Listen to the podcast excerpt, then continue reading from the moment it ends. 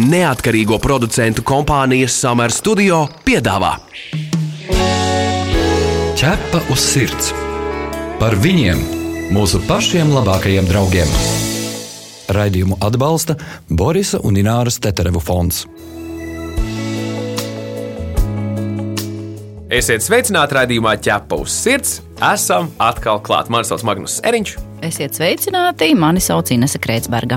Pavisam nesen šeit studijā runājām par zirgu terapiju, par metodēm, kā dzīvnieki var palīdzēt mums cilvēkiem. Jā, bet gan jau visi mīluļu saimnieki atzīst, ka mūsu suns, kaķis vai kāmītis nāk pie mums un noņem stresu. Bet vai stress ir vienīgā problēma, ar kuru tikt galā var palīdzēt mūsu mājdzīvnieks? Un šodien mēs runāsim par daudziem dzirdētu terminu kanisterapiju. Tā ir terapija, kur tiek izmantoti suņi. Bet kā tas notiek un kādos gadījumos var palīdzēt, skaidrosim šodien. Studijas viesis šodien Pirenejiešu kalnu suņu audzētājs Viktors Mucenieks. Esiet sveicināts, Viktor! Labdien! Un jums līdzi ir kas? Mums ir Pirenēja kalnu suņu meitene Aura. Viņa ir diezgan daudz jau nostrādājusi, viņai ir 12 gadi. Tas nozīmē, ka 11,5 gadu viņa ir darbojusies šajā sfērā. Ķepa uz sirds jautā ekspertam. Aura atstāja ļoti, ļoti mierīga, nosvērta suņa iespēja, apstaigāja visus mūsus un gribēja, lai viņu paglaudu, un tagad aizgāja stūrītī čučēt. Ļoti, ļoti kluss suns, un īstenībā tas jau parāda, ka labi audzināts, jo, ja nebūtu, tad jau kvankšķētu noteikti, vai ne?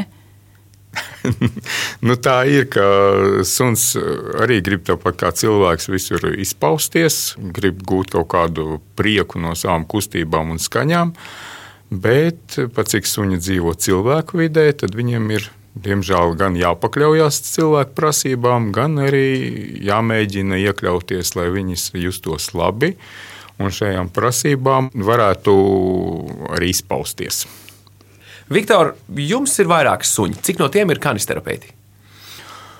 Oi, te grūti pateikt, tagad mums uh, laiks iet, un daudz suņu nostrādājuši.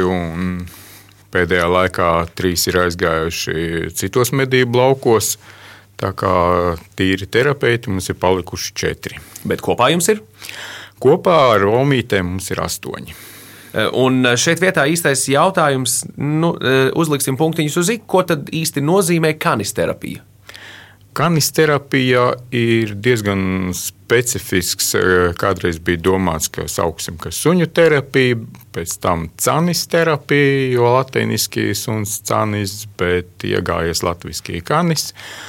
Bet nav gluži līdz galam klasificēts. Tāpat kā ja mēs sakām, cilvēku doktors, tad cilvēkiem ir nevis vienkārši doktors, bet konkrēts speciālists kaut kādā jomā. Tāpat arī suņi var strādāt viens daudzās jomās, cits kaut kādā vienā jomā, un tās jomas būtu apmēram tādas. Kā strādāt piemēram ar bērniem, autistiem, ar smagām vai netik smagām īpatnībām, Un uh, sunim at, attiecīgi ir jābūt tādai psihei, gan lai viņš iztur, kas diezgan nepatīk, ka liek, mēs liekam sunim izturēt, gan otrs, lai sunim patiktu. Ja teiksim, cilvēkam vai sunim patīk konkrētais darbs, tas nerada tādu milzīgu nogurumu, gribās atkal nākt, darboties, tas ir numur viens, lai suns uz savu darbu nāk ar prieku. Bet kā saprast, vai suns būs piemērots terapijai? Vai jūs varat nosaukt konkrētas šķirnes, no kurām ir vairāk tie terapeiti, un varbūt ir tādi suņi, kuri nu nekad nebūs terapeiti? Viena no vadošākajām organizācijām ganisterapijā Eiropā ir Polijas ganisterapijas organizācija. Viņi ir šobrīd man nav līdzi, bet sastādījusi sarakstu ar šķirnēm, kuras nav vēlamas. Tātad tās pirmkārt būtu tādas šķirnes, kuras cilvēks izmanto kā sargus no citiem cilvēkiem, vai nedod Dievs kaut kādus cīņu suņus. Un liela daļa suņu šķirni gadu laikā ir izveidojusies un pēdējā laikā nosaukta par ģimenes mīluli, jeb tas ir skaitās suns kompanions, kurš labprāt atrodas ne tikai sava saimnieka, bet arī citu cilvēku vai citu dzīvnieku klātbūtnē. Un šķirnes konkrēti numur viens pasaulē ir Labradors, zelta retrievers, kas ir ļoti, ļoti tuvs un tālāk pa citām šķirnēm atkal ir jāskatās, kuras tiksim, ar gadiem ir pierādījušas, ka viņas uzvedās samērā mierīgi citu citu klātbūtnē. Jo Pirenejietis jau tomēr to sarga funkciju arī veids. Viņš nevar būt tā tikai suns kompanions. Tāpēc es jautāju par Pirenejiešu. Kā darba suņus kalnos viņus izmanto kā sargus no vilkiem, no lāčiem. Viņiem jāsargā ganāmpulks. Viņu uzdevums nav sargāt cilvēku, cilvēka īpašumu, cilvēka teritoriju. Viņi to daļēji dara, bet viņi to dara ar balsi. Viņu uzdevums ir atbaidīt.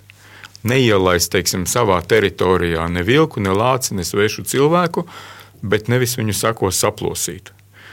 Tādēļ, ja suns ir audzis no bērnības tādā vidē, kur viņš ir pieņemts kā draugs, kā ģimenes loceklis, tad viņš attiecīgi tā arī uzvedās. Jā, citreiz viņam nepatīk citi suņi, citreiz ir tā, ka viņiem nu, ārkārtīgi gribās spēlēties ar citiem suņiem. Bet ar cilvēkiem ir tā, ka šo šķirni sākumā negribēja izmantot, jo teica, ka tie skaitās sargu suņi, bet uh, vairākus gadus jau ASV izmanto šos suņus. Karavīru rehabilitācijai, kur atgriežas no konflikta zonām, zaudējuši roku, kāju, un teiksim, tas vairs nav superģeks, kurš patiktu meitenēm, un viņam, teiksim, tam čalim vairs nav nekādas alternatīvas dzīvē, kā tikai beigt dzīvi vienā no veidiem. Un viņi Amerikā šo zaldātus veda kara veterānus pie Pirinēja kalnu suņiem, Un čaļiem galvā notika kaut kāds klikšķis. Viņi atrada alternatīvu dzīvē, un viņiem vairs nebija tik svarīgi savas problēmas, bet meklēja, kā viņi var turpināt. Tas bija numur viens, kas mums lika izvēlēties, kā mēģināt šos suņus izmantot. Un tad, kad mēs braucam uz apmācībām, tad uh, speciālists pateica, ka šī šķirne der terapijai. Nu, lūk, te arī par to derīgumu, vai kā var tad īsti saprast, suns būs piemērots terapijai. Un, uh, jā, ir taču skaidrs, ka tie suņi, kas nekad nebūs terapeiti, kā tieši ar pirenējiešiem, vai tur arī var būt, kāds no viņiem pēkšņi var nederēt? Jā, ja vispār par citām šķirnēm runājot, tad ir tā, ka pirmkārt ir vajag, lai šķirne būtu labestīga, teorētiski potenciāli derīga. Tālāk no tiem tālāk kucēniem būtu jādzimst no tādiem vecākiem, kam ir normāla psihe, Viņiem jāaug un jāaudzinās tādā kompānijā, tādos apstākļos, lai viņiem tā psihe veidojās labestīga, un tālāk jau, kad kucēni kaut cik ir uh, saprotami un viņas var testēt, tad skatās, kuram sunim patīk personīgi. Jo pat vienā ģimenē visi piedzimst ar dažādu temperamentu, dažādu raksturu. Un tad redz, ka šitam patīk, a šitam teiksim, tas nāk ar grūtībām, a cits vispār negrib to nodarboties. Ķepa uz sirds, suņu būda. Bet, nu, ja mēs runājam par cilvēkiem, kas izvēlas šo kanisterapiju, ja jūs jau minējāt uh, konkrētus piemērus, bet kas ir ar to cilvēku grupu, kuriem ir bailes no suņiem? Tātad mēs nerunājam par to, ka man suņi neinteresē, man tāpēc ir bail, bet, uh, bet to, ka man suņi interesē, patīk, bet man ir bail no viņiem. Šis varētu būt veids, kā pārvarēt bailes. Šis varētu būt viens no veidiem, jo bailes pašas ir ļoti dažāda spektra. Ir tādas bailes, kas var nākt no iepriekšējām dzīvēm, tādas bailes, kas ir iegūtas kaut kādā negadījumā, tādas bailes, ko principā ir ieaudzinājuši vecāki, un tādas bailes, kas var būt, ja cilvēks ir audzis kaut kādā vidē, kur ir bijušas citas problēmas. Ja pirmais, ko viņš ir ieguvis, tās ir bailes, un tikai pēc tam viņš satiks labestīgu suni, jā, tās bailes var mēģināt koriģēt. To nevar pateikt, ka tas ir simtprocentīgi, bet eh, mums ir eh, bijuši gadījumi, kad jā, tas ir ļoti labi palīdzējis. Pastāstiet, kā notiek seanss, cik ilgi kanisterapijā notiek nodarbība? Nodarbības ilgumu reglamentē faktiski tas, cik ātri suns nogurst. Jo tāda aktīva darbība, kad redz, ka suns vēl nav noguris, ir līdz stundai. Tas ir daudz. Mēs pat zinām, ka suņi nogurst ļoti ātri apmācībā. Man liekas, ne vairāk par 20 minūtēm.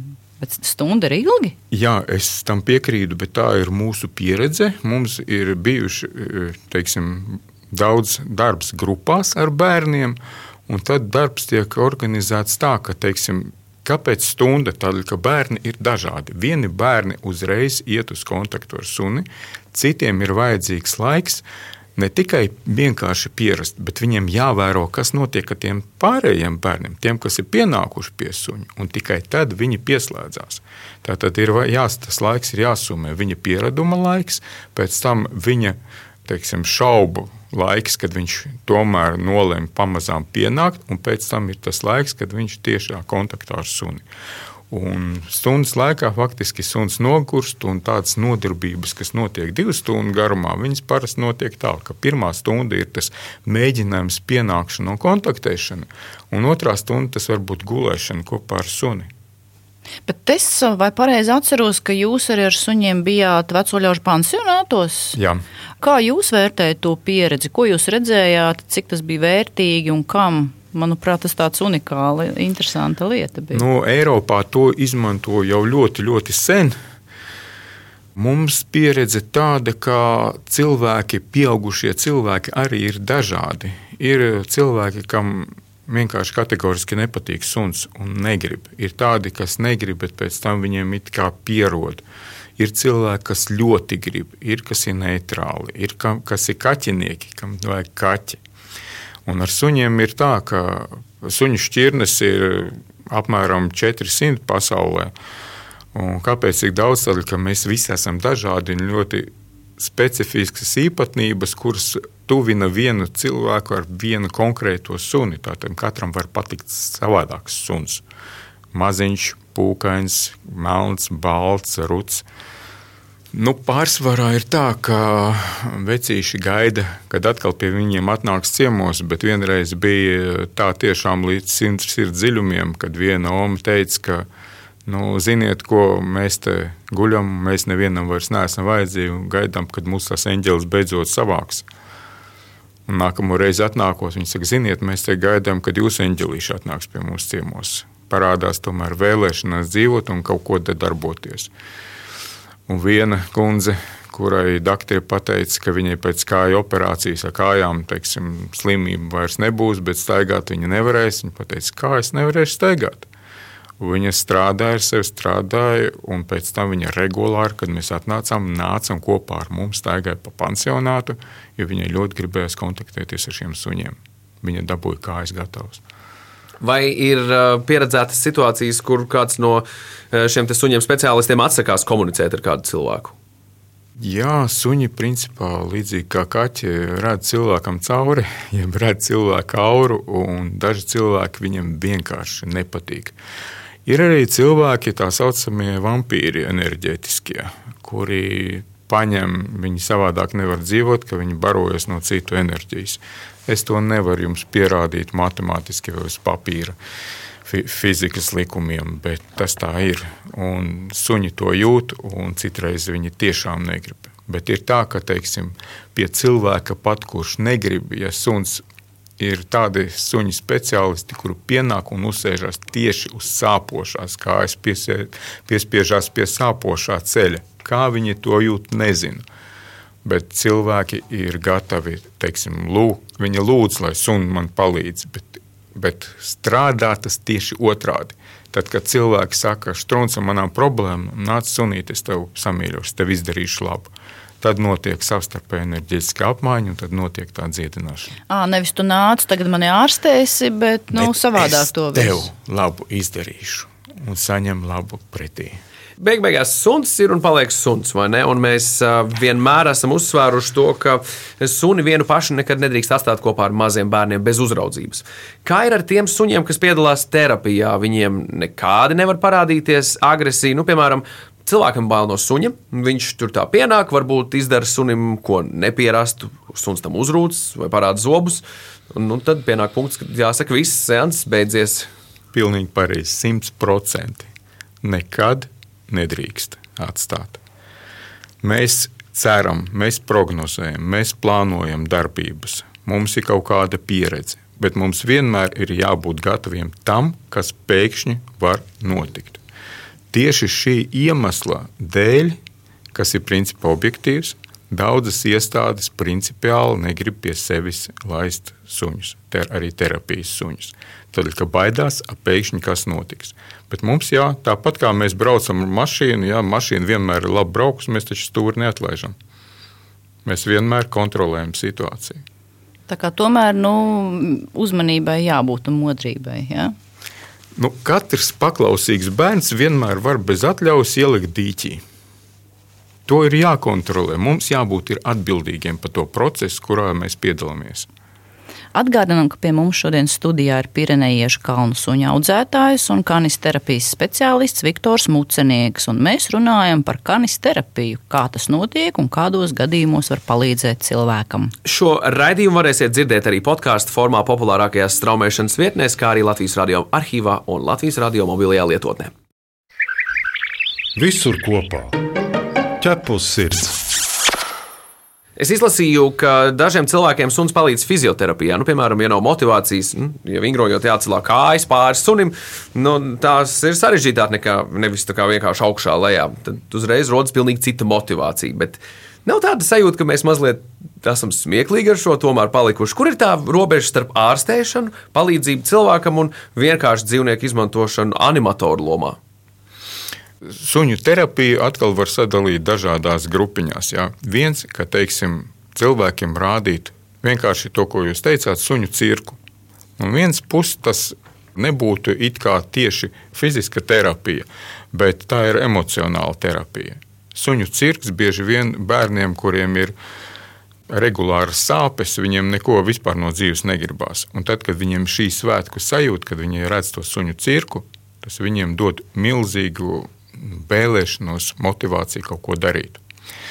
Ja redz, ka sunim tas nepatīk, tad vēlams suni neizmantot. Jo tiešām tas būtu tā, ka mēs, tā kā piemēram bērnis gan suņus Šveicē jūdza ratos, piekrāva tonu smagus ratus un vilku uz tirku. Jā, viņus izmantoja. Bet mēs redzam suņos citu vēlēšanos emocionāli vai fiziski palīdzēt, dot motivāciju bērnam strādāt. Eh, Viktor, pastāstiet, kā tiek testēti suņi, lai saprastu, būs kanis terapeits vai nebūs. Ir tāds tests, kad eh, kucēnus, kurus potenciāli varētu izmantot terapijai, uzdod viņiem dažādus uzdevumus. Tas kaut kādā konkrētā dienā pēc dzimšanas, jā? Jā, 50, tas ir konkrētā vecumā 30. pēc dzimšanas, jā, tad, kad sunīts jau komunicē, viņus gan kaut kādīgi baida, gan rada viņam kaut kādas problēmas un skatās, kā sunīts reaģē. Ja teiksim, uz kaut kādiem kaitinājumiem suns reaģē tā, ka vai nu viņam pilnīgi vienalga, vai viņš vienkārši paiet maliņā, tad potenciāli šis suns der. Ja suns aizmūk vai izrāda kaut kādu agresiju, tad labāk sunīts dzīvo teiksim, kaut kādās mājās, draudzēs ar ģimeni, bet eh, nekontaktējas ar eh, citiem cilvēkiem, kur to cilvēku arī liels daudzums var izraisīt kaut kādas nepatīkamas emocijas vai nepatīkamu reakciju sunim. Tas ir uh, Volhārda tests. Volhārda. Viktor, pastāstiet par pieredzi, par, par kādu interesantu piemēru, par klientiem, ja vēlaties kādu problēmu situāciju, kas tikusi atrisināta. Nu, par kuriem jums pašam var būt tāds uh, cilvēcīgs. Jā, tad, kad ja stāstīt par kaut kādiem piemēriem, tad jāsaka, ka tomēr tādi spilgti piemēri ir uh, izņēmums, nevis uh, regulāra parādība. Piemēri citreiz ir tādi, ka liekas, o, oh, super, sunīts palīdzēja bērnam sākt runāt. Tas palīdz nevienmēr. Bet uh, bija bērns, kurš līdz sešiem gadiem neizraisīja nekādas skaņas. Logopēds ar viņu strādāja, bet logopēds var strādāt ar korekcijām, bet ja nav skaņas, nav ar ko strādāt. Un reizi nedēļā apmeklējot šo bērnu, pēc četriem mēnešiem bērns sāka runāt ar suni savā valodā, savām skaņām. Tad var pieslēgties beidzot logopēds. Vai, piemēram, ka bērns negribēja staigāt, vienkārši negribēja, un viņam faktiski muskulatūra neattīstās. Un redzot tādu sunu, izraisīja tik uh, spēcīgas emocijas, ka bērns gribēja uh, gan rāpot pie suņa, kad suns staigāja viņam garām, gribēja iet klāt, un te varēja bērnu motivēt. Bērns ņēma staigulu, sāka staigāt. Tu pazīsti kādu īpašu dzīvnieku draugu? Tavs kaimiņš vai kolēģis palīdz nelaimē nonākušiem suņiem un kaķiem?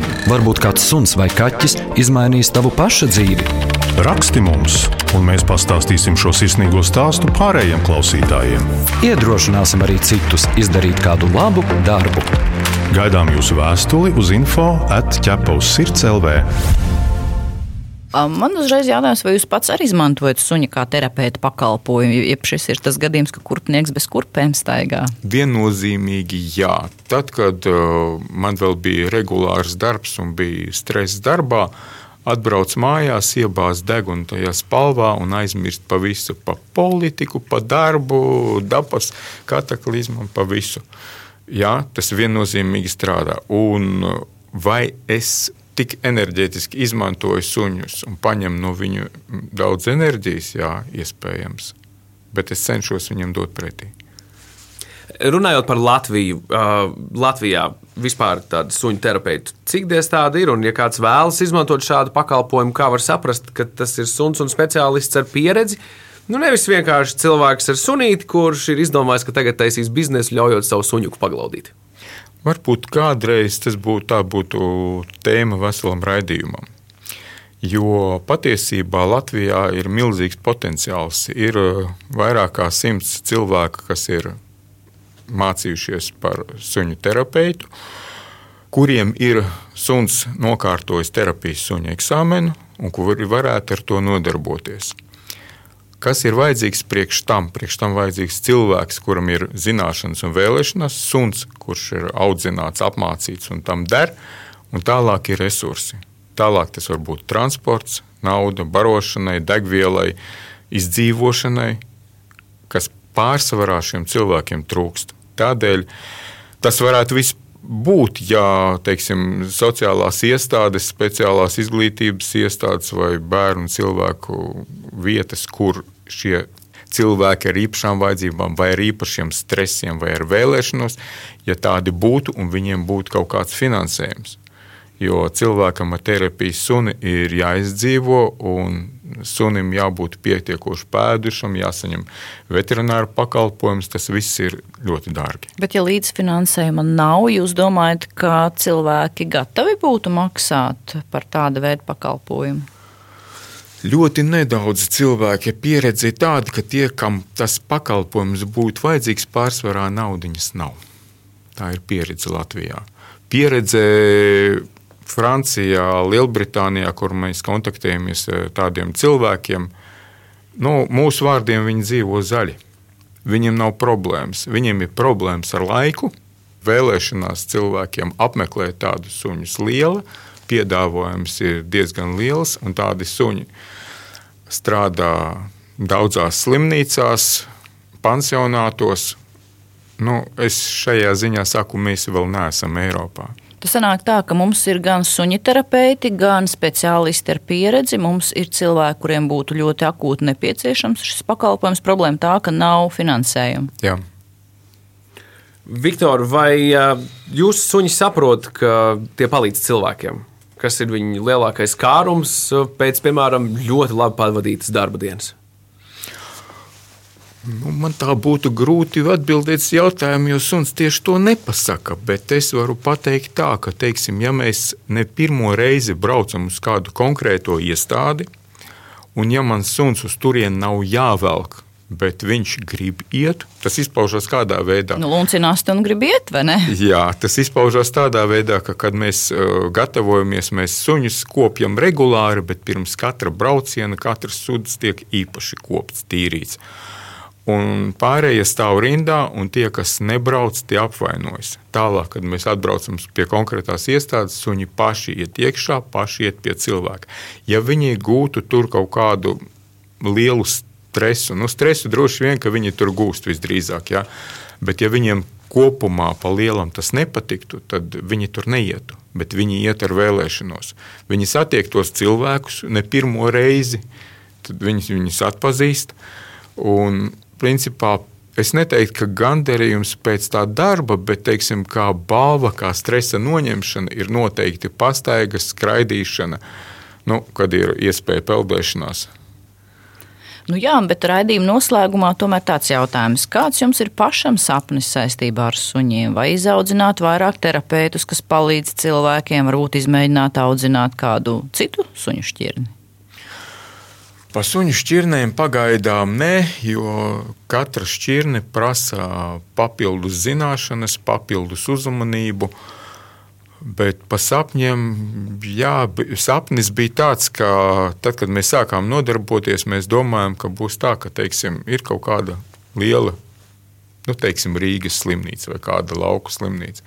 Mēs aizbraucam, mēs veselu dienu dzīvojam tajā slimnīcā. Suņi darbojas, tur tiekās ar vieniem cilvēkiem, tad viņi atpūšas, tad viņi pastaigājas, tad atkal. Sapnis tāds, ka lai mums būtu resursi un lai tās būtu iestādes, kuras grib un aicina mūs braukt. Ne tādēļ, lai mēs nopelnītu, mums tikai vajag vismaz iztikai līdzekļus.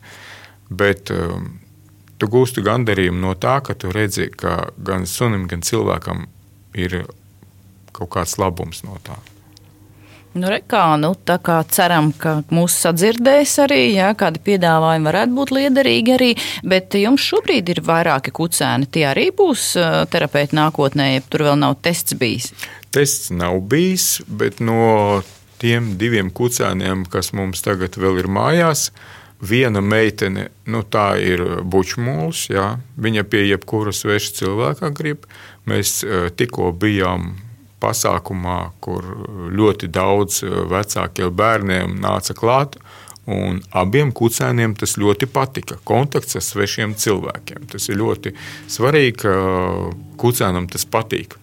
Un ne tas, ka viņam patīk kādu pakošļāt, ja, vai skriet kādam pakaļ, bet viņam patīk, ka pie viņa pieskarās cits cilvēks. Starp citu, kā bučmūlīts izskatās dzīvē, varēsiet redzēt jau šajā sestdienā. Ķepa uz sirds TV sezona atgriežas, un mēs arī stāstīsim par pirenejiešiem. Lūk, tā, bet šajā reizē, Viktor, sakām lielu paldies jums par viesošanos šeit studijā. Vienmēr laipni. Tu esi mans draugs, ķepa uz sirds.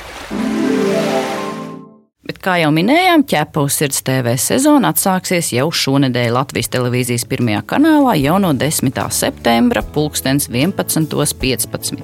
Mēs, protams, gaidīsim arī jūsu jautājumus, ierosinājumus, kā arī idejas sižetiem. Rakstiet mums uz info atķepa uz sirds LV. Bet šajā raidījumā tas ir arī viss. Mani sauc Inese Kreitsberga. Mani sauc Magnus Eriņš. Raidījumu veidoja neatkarīgo producentu kompānija Summer Studio. Visu labu! Atā! Ķepa uz sirds. Informatīvi izglītojoši raidījums par dzīvnieku pasauli un cilvēkiem tajā. Raidījumu atbalsta Borisa un Ināras Teterevu fonds.